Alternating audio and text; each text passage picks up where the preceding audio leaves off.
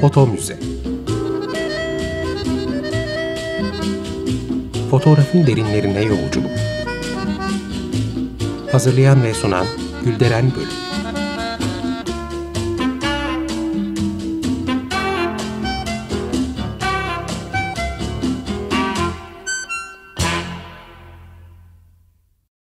Merhaba Açık Radyo dinleyicileri, fotoğraf tarihçiniz ben Gülderen Bölük.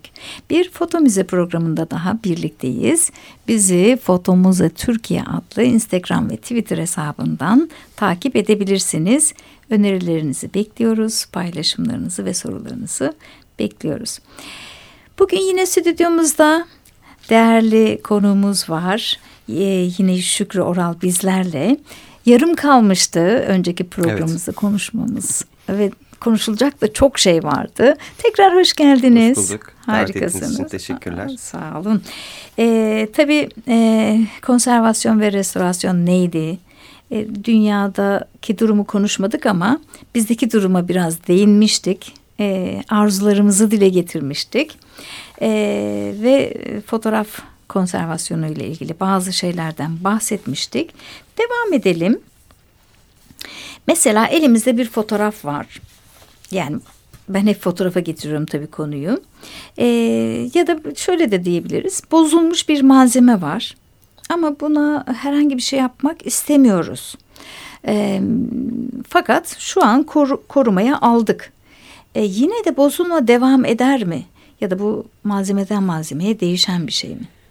Şöyle gene aynı şeyi söyleyeceğim. Tespit çok önemli. Örnek veriyorum pH dediğimiz çok önemli bir etmen var. Hı. Kağıdın asiditesi.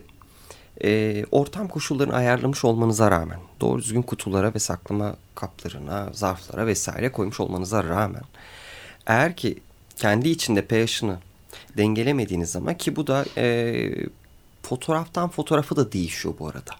Ya örnek veriyorum biz Sinotype'da e, pH'in daha asidik olması gerekiyor. Hmm. E, sebebi şu. Çünkü içeriğinde biliyorsunuz siyanür vesaire yani ağırlıkta olan etmenler ve bunlar asidik malzemeler. Siz ben bunu alkalileştireyim dediğiniz zaman görüntüyü kaybedersiniz. Oh. Elinizde bir anda maviden beyaza dönen bambaşka bir görüntü kalır. Aslında tırnak içinde doğru bir uygulamaymış gibi görünen e, asit giderme bir anda dünyanın en zararlı uygulamalarından biri haline gelebiliyor. E, aynı şekilde bu blueprintler dediğimiz mavi eski eskilerden belki görmüşsünüzdür. Marteler, Mimari evet aynen öyle. Onlar da aynı şekilde asidik ortamlarda, karanlık ortamlarda, soğuk, e, orta daha doğrusu kağıt için, fotoğraf için önerilen bütün koşulların tam tersi ortamlarda saklanması gereken malzemeler. Evet. E, o yüzden de e, bu, bu tespit çok önemli. Siz pH'ini dengelemediğiniz zaman bozulma devam eder. Asidik içer asidikleşme devam edecektir. E, eğer etrafındaki alkali bazlı etmenlerle etkileşime girip pH'i artmıyorsa e, bozulma sürecektir. Mutlak surette. Buna dikkat etmek lazım. Yani sadece yani koruma altına almak demek mevcut koşulları koruyor mu korumuyor mu ona bakmak demek. Korumayacağını kanaat getiriyorsak e, gerekli müdahaleleri yapmak lazım. Bu tabii sizin sormak istediğiniz şey şu aslında bir anlamda da rütuş, yırtık onarımı vesaire bunlar devam eder. Mesela yırtıktan örnekim yırtık devam eden e, sürekli ellenen bir malzeme ise eder. Hı hı. ya da kurt yenikleri varsa Aynen ve kurtlu öyle. ortamda kalıyorsa kalıyorsa devam, ya da siz o kurdu oradan uzaklaştırmıyorsanız devam eder. Asıl e, şuradan geldi bu soru aklıma. Ee, eğer iyi banyo yapılmamışsa bir fotoğraf biz bunu e, ışık görmeyecek. ışık görünce çünkü daha çabuk bozuluyor fotoğraflar biliyoruz. E, ışık görmeyen bir yerde sakladığımızda gene de bozulma devam ediyor mu? Bunu biraz merak ediyorum. Çünkü e, çok ışığa tutmamaya çalışıyoruz koleksiyonumuzu. E, çünkü bu ışıklar bile yani bu ışıklar evet. derken yapay ışıklar bile zarar verebiliyor değil gün ışığı. Dolayısıyla hani bunu merak ediyorum doğrusu. E, ışığa çıkartmazsak mesela o şey devam eder mi? E, şöyle edebilir. Çünkü yüzeyinde solmaya, fading dediğimiz zamanın içinde solmaya neden olan etmen eğer ki yüzeyden henüz uzakla yanlış banyo sonucunda yüzeyden uzaklaştırılmamış artıklar ve tuzlarsa bunların bir kere yıkanması gerekiyor. Hı hı. Yıkamadığınız takdirde bu devam edecektir. Ha yıkanmaya muhtaç değildir. Yani öyle bir ihtiyacı yoktur. O şekilde gayet düzgün. Zaten koşulları az önce sizin çizdiğiniz çerçevede ışığa dikkat ederek, ortama dikkat ederek e, gayet uzun bir ömre sahip olabilir. Ama tekrar aynı şeyi söylüyorum. Mutlak surette bakmak lazım. Fading devam ediyor mu? Hı hı. Edecek mi? Tabii bunun içinde bir uzman Bakmak her zaman e, önemli. Özellikle kurumların bunları tek başına bilmeleri mümkün değil. Evet. E, bu bir dediğiniz gibi bilim ve e, bu konuda kurumların da destek alması hoş olur. Aynen. Tabii fotoğraf tarihi dediğimizde işin içine sadece fotoğraf girmiyor. Ee, gene kağıt konusuna geldik. Efemeralar var. Afişler, zarflar, ilanlar, faturalar.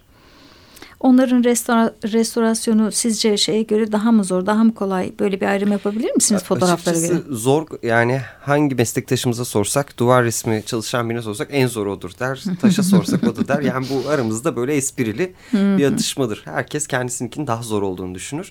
Ee, ben Ama siz ikisini de yaptınız. Kağıt için. ve fotoğraftı benim esas konum.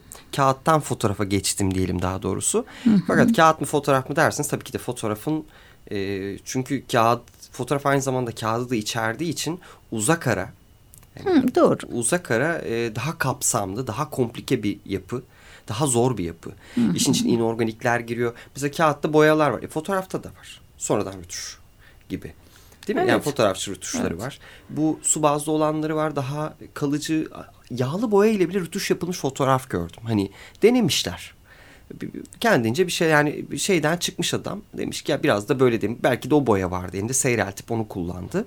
Hı hı. E, doğal olarak da fotoğraf tabii ki de çok daha zor. Evet. Umarım kızmazlar. e, şimdi restorasyon dediğimizde işin içine rötuş da giriyor bahsettik. Yani bu konuda neler söyleyeceksiniz? Çünkü nasıl yapıldı, nelere dikkat edildiğini bilmek istiyorum. Ee, ilk fotoğraf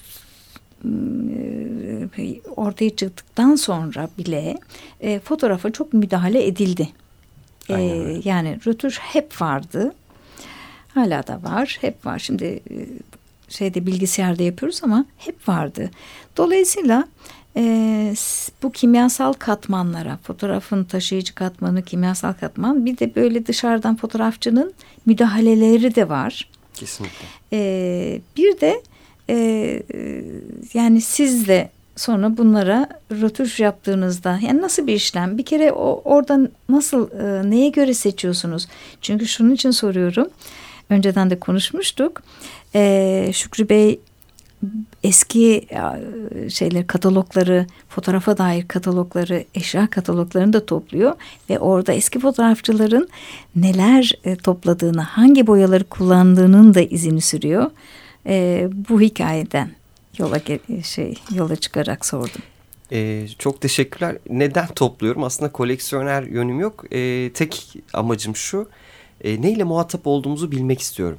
Yani karşımızda duran malzemeyi zamanında üreten sanatçı, fotoğrafçı. Bence içinizde var. Koleksiyonculuk Çünkü, mu? Evet. Yani ben o ışığı gördüm. Teşekkürler.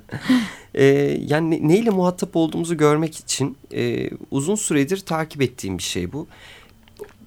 Hangi küvetleri kullandıklarından, hangi solüsyonları kullandıklarına kadar. Ellerimde bununla ilgili mesela çeşitli tuzlar da var. Üstlerinde bilmem ne fotoğrafçılık tarafından üretilmiştir. Selanik Bombarşesi'nin ürettiği neredeyse birçok malzeme edinmeye çalışıyorum. E, bunlar bana uygulama yaparken kolaylıklar sağlıyor.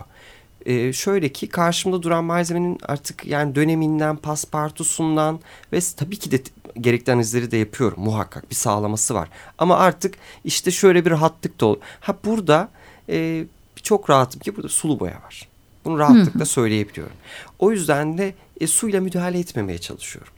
Mesela bir meslektaşım e, yanlışlıkla suyla müdahale ederken küçük bir ıslak pamuk çubukla silmeye kalkıyor ve yüzeyi alıyor. E, aldığı şey de adamın kulağı. Şimdi kulak zaten yeterince şeffaf adam kulağı belir, daha belirgin yapmak için rutuşlamış. Ki bütün hatları ortaya çıkmış kulağın. E, burnu aynı şekilde ortaya çıkmış bunlar. E, bu arkadaşımız onu yaparken silmiş. Bu temel nedeni işte sulu boya bilgisinin olmamasından kaynaklı.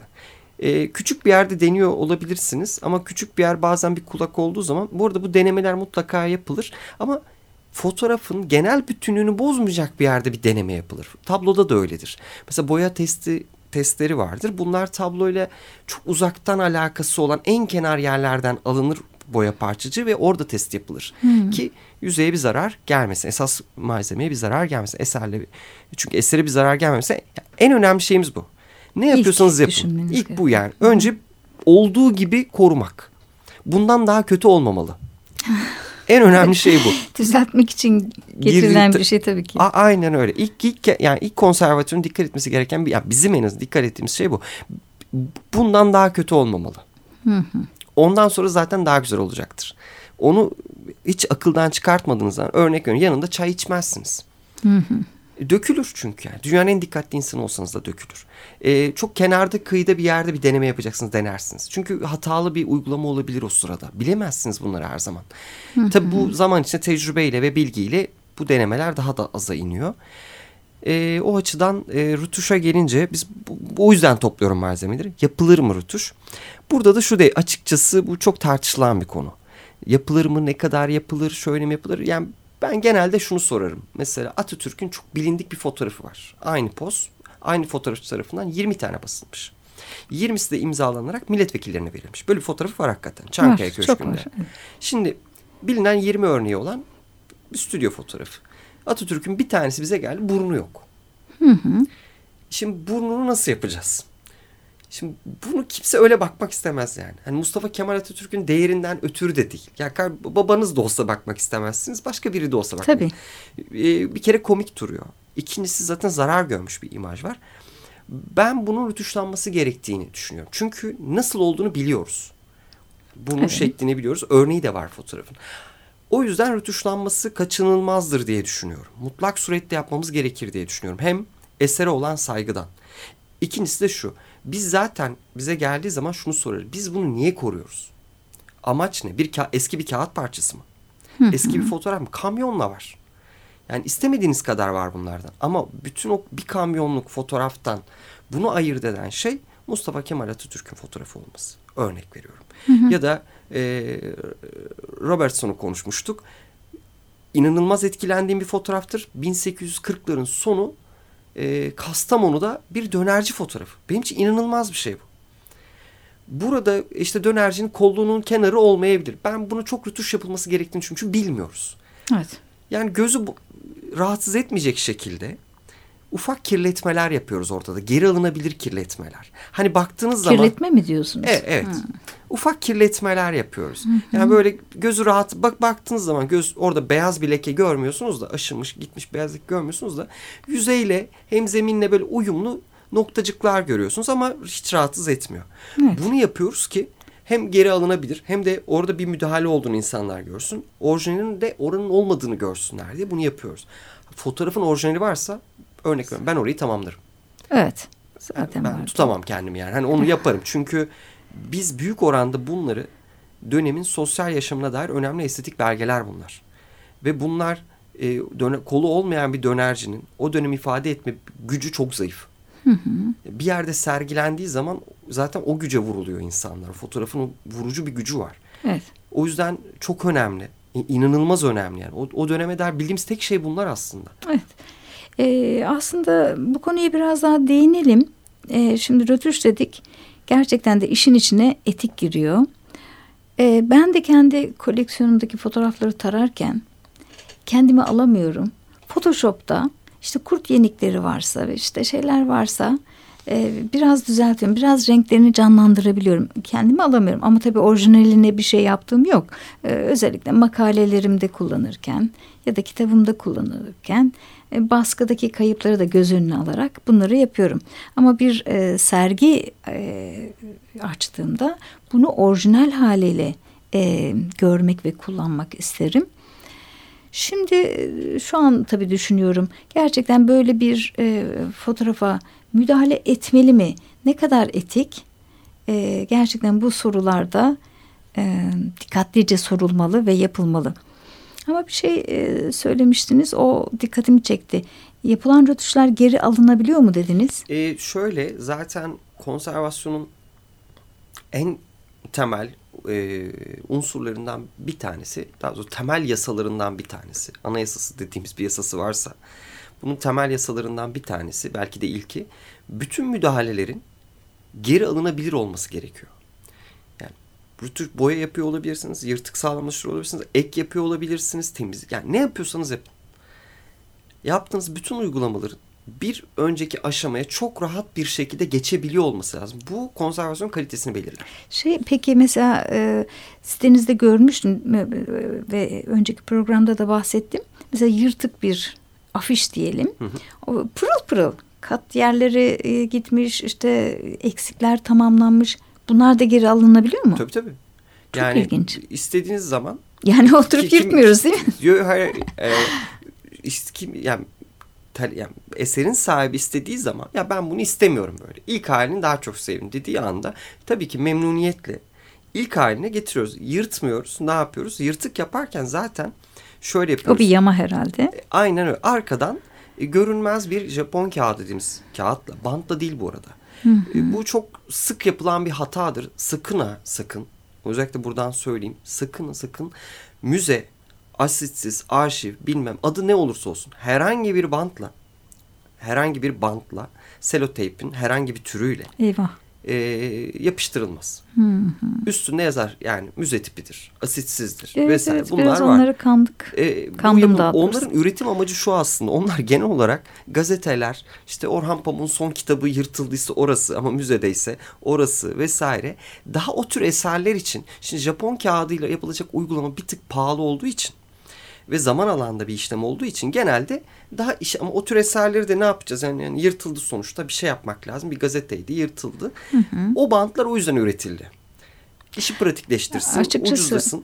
Ben e, tabii bilemedim ve kendi elimde olanları da daha fazla büyümesin ve şey olmasın aman asissiz bant, bantmış deyip böyle evet. bantladıklarım var. Geri dönüşü ediyorum. çok zor onların. Öyle mi? Yani her ne kadar geri dönüş kolaydır deseler de çok zor.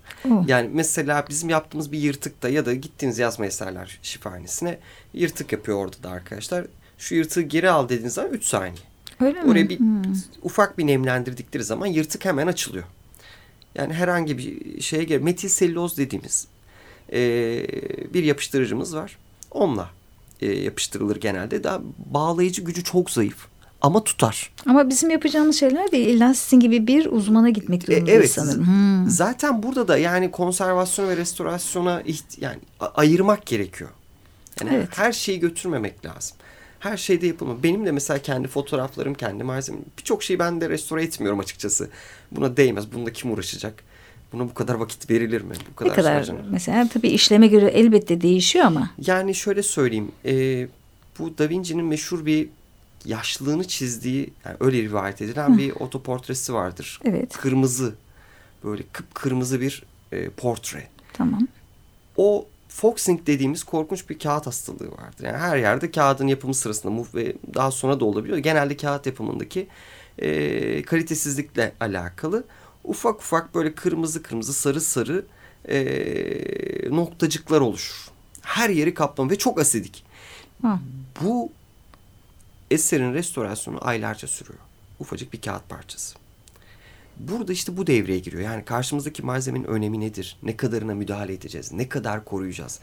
Açıkçası samimiyette şunu hiçbir kurum, hiçbir atölye yüzde yüz e, önem vererek bir eseri baştan sona yapamaz yani. Mümkün değil. Çünkü maddi olasılığı yok büyük bozulmalar için koyuyorum. Tabii ki de küçük bir yırtık her yerde aynıdır yani o beş dakikalık bir şey. Ya, bir örnek bir fotoğraf ya işte Şükrü bunun sadece yırtığı var bir tane hemen yaparız. Bunda bir problem. Gerçekten kolay, ucuz. Ne kadar ucuz? Örnek de verelim. Yani örnek vermek gerekirse sadece bir yırtık ne bileyim yani 20-30 liralık bir şeydir en fazla. Yani çok önemli bir şey değil çünkü. Hı, hani güzel. en fazla bu arada yani hani daha dediğim gibi çok basit şeyler onlar ama çok kapsamlı bir problemle karşılaştığım zaman örnek veriyorum yüzeyden iki fotoğraf yapışmış. Hmm. Bunların bir şekilde birbirinden ayrılmasını istiyorsunuz. Ee, küçük bir yanım var kısaca onu anlatayım. Bir gün bir fotoğraf bir fotoğraf yapışmış. Ee, ortalama işte bir 600-700 liralık bir işlem diyeyim kısaca. Ama fotoğraf öyle bir fotoğraf değil. Getiren adam da bir satıcı, antikacı. En son ama iç, arka tarafta bazen hissi kablel vuku diyorlar ya. arka tarafta bir şey hissettim yani. Bir şey var bu fotoğrafta. Adama ben şey ya ben bunu ücretsiz çıkartırım fakat bir şartla dedi. Ne istiyorsun dedim. Arkadan çıkan alabilir miyim dedim. Ne çıkarsa yani bilmiyorum. O da iyi tamam dedi. Böyle anlaştık.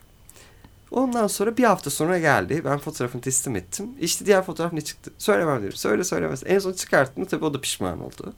Ne çıktı? Ee, evet bu ha- Harley Harley bisküvilerinin bilinen ilk fabrikası ve Ciddi inanılmaz bir fotoğraf. Yani Aa. ilk fotoğrafı ve sahipleri önünde arkada da fabrika duruyor. Yani Feriköy'de. iyiymiş. Bu böyle tesadüfen karşıma çıktı. Yani Çok küçük güzel. bir anım bu. Bazen daha da kazançlı olabiliyor işte böyle. Daha da pahalı olabiliyor işte. Hmm, evet fiyatlar değişiyor. Şansa da bağlı biraz.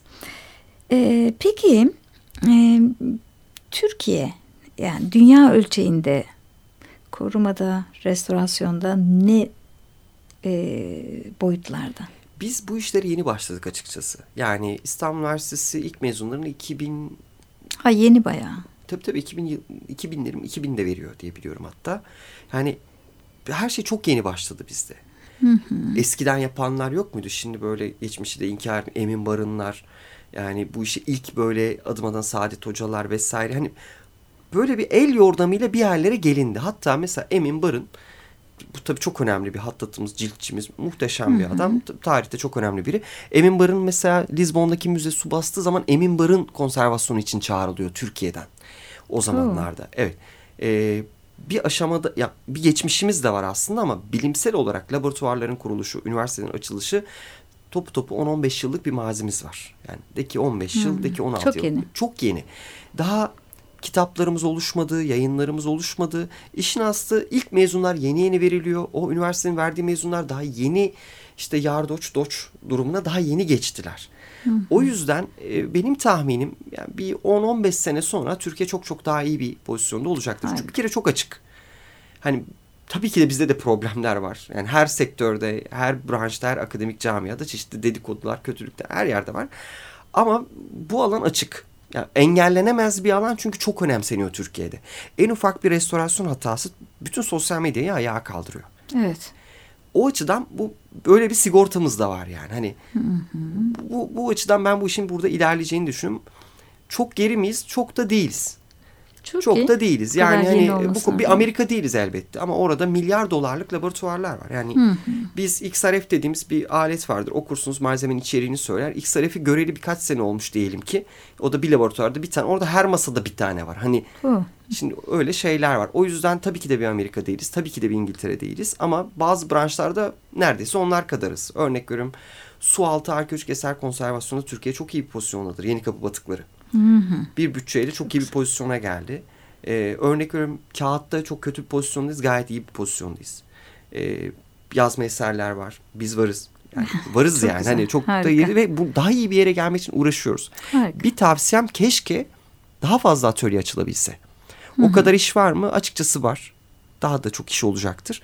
Ama mesele rekabetin artması ve daha fazla insanın bu işlerle mesela rakip istiyoruz. Öyle mi? Yani hem fikir alışverişi yapacağımız maddi manevi yeni yeni oluşumların oluşmasına büyük ihtiyaç var. Daha fazla yani ve Peki, enstitü. peki mezun olanlar ne yapıyor? E, zaman? mezun olanlar maalesef bir atölye açmak zor iş. Yani Ben çok uğraştım. Öyle mi? E, ciddi maliyetleri var. E, onlar devlette sıra bekliyorlar ki kadrolar açılsın gitsin diye. Ama zamanla özel sektörde de böyle bir şey oluşacaktır zaman içinde diye düşünüyorum. Harika. Aslında gene süremizin sonuna doğru yaklaştık. Ama kısaca şöyle bir e, soru sormak istiyorum. Ee, benim gibi olanlara ya da evde e, ata yadigarı bir kağıdı, bir fotoğrafı vesaireyi korumak isteyenlere e, böyle şey tadında e, ne derler e, hap tadında önerileriniz var mı? Ya öncelikle şunu söyleyeyim bir kere yani ilk, ilk bizim bizdeki kurallar onlar için de geçer. Bir kere zarar vermeyecekler. Öncelikle. Öncelikle o. Yani hareket ettirilmeyecek kağıtlara, zarflara vesaire kaldırmaları gerekiyor. Bir kere en, en önemli şey. Bunu yaptıkları zaman büyük oranda korunuyor zaten. Harika. İkincisi ufak tefek şeyler var. Mesela bir yeri sileceklerse arka tarafta küçük bir yazı, yumuşak bir silgi kullanmaları. Biz illa yani o da çok hassassa bir pamuk yardımıyla Hani ne kadar pırıl pırıl yapmaya çalışmasınlar çok zor çünkü. Ya bizim için de zor. Elimizde bütün teknik ekipman var. Bizim için de zor. Ee, o yüzden genel olarak bir kere zarar vermesinler. Bir şey yapmaya çalışmasınlar. Ee, danışsınlar. Danışma ücretsiz bu arada. Bizi mesela isteyen arayabilir, mail atabilir, sorabilir. Harika. Belki çok hızlı dönemeyiz ama mutlaka döneriz. Ee, söyleriz ya bu ve bunlardan bir ücret talep etmiyoruz. Söyleriz yani nasıl yapılır dikkat edin vesaire deriz. Hı hı. Kısaca bunu söyleyeyim.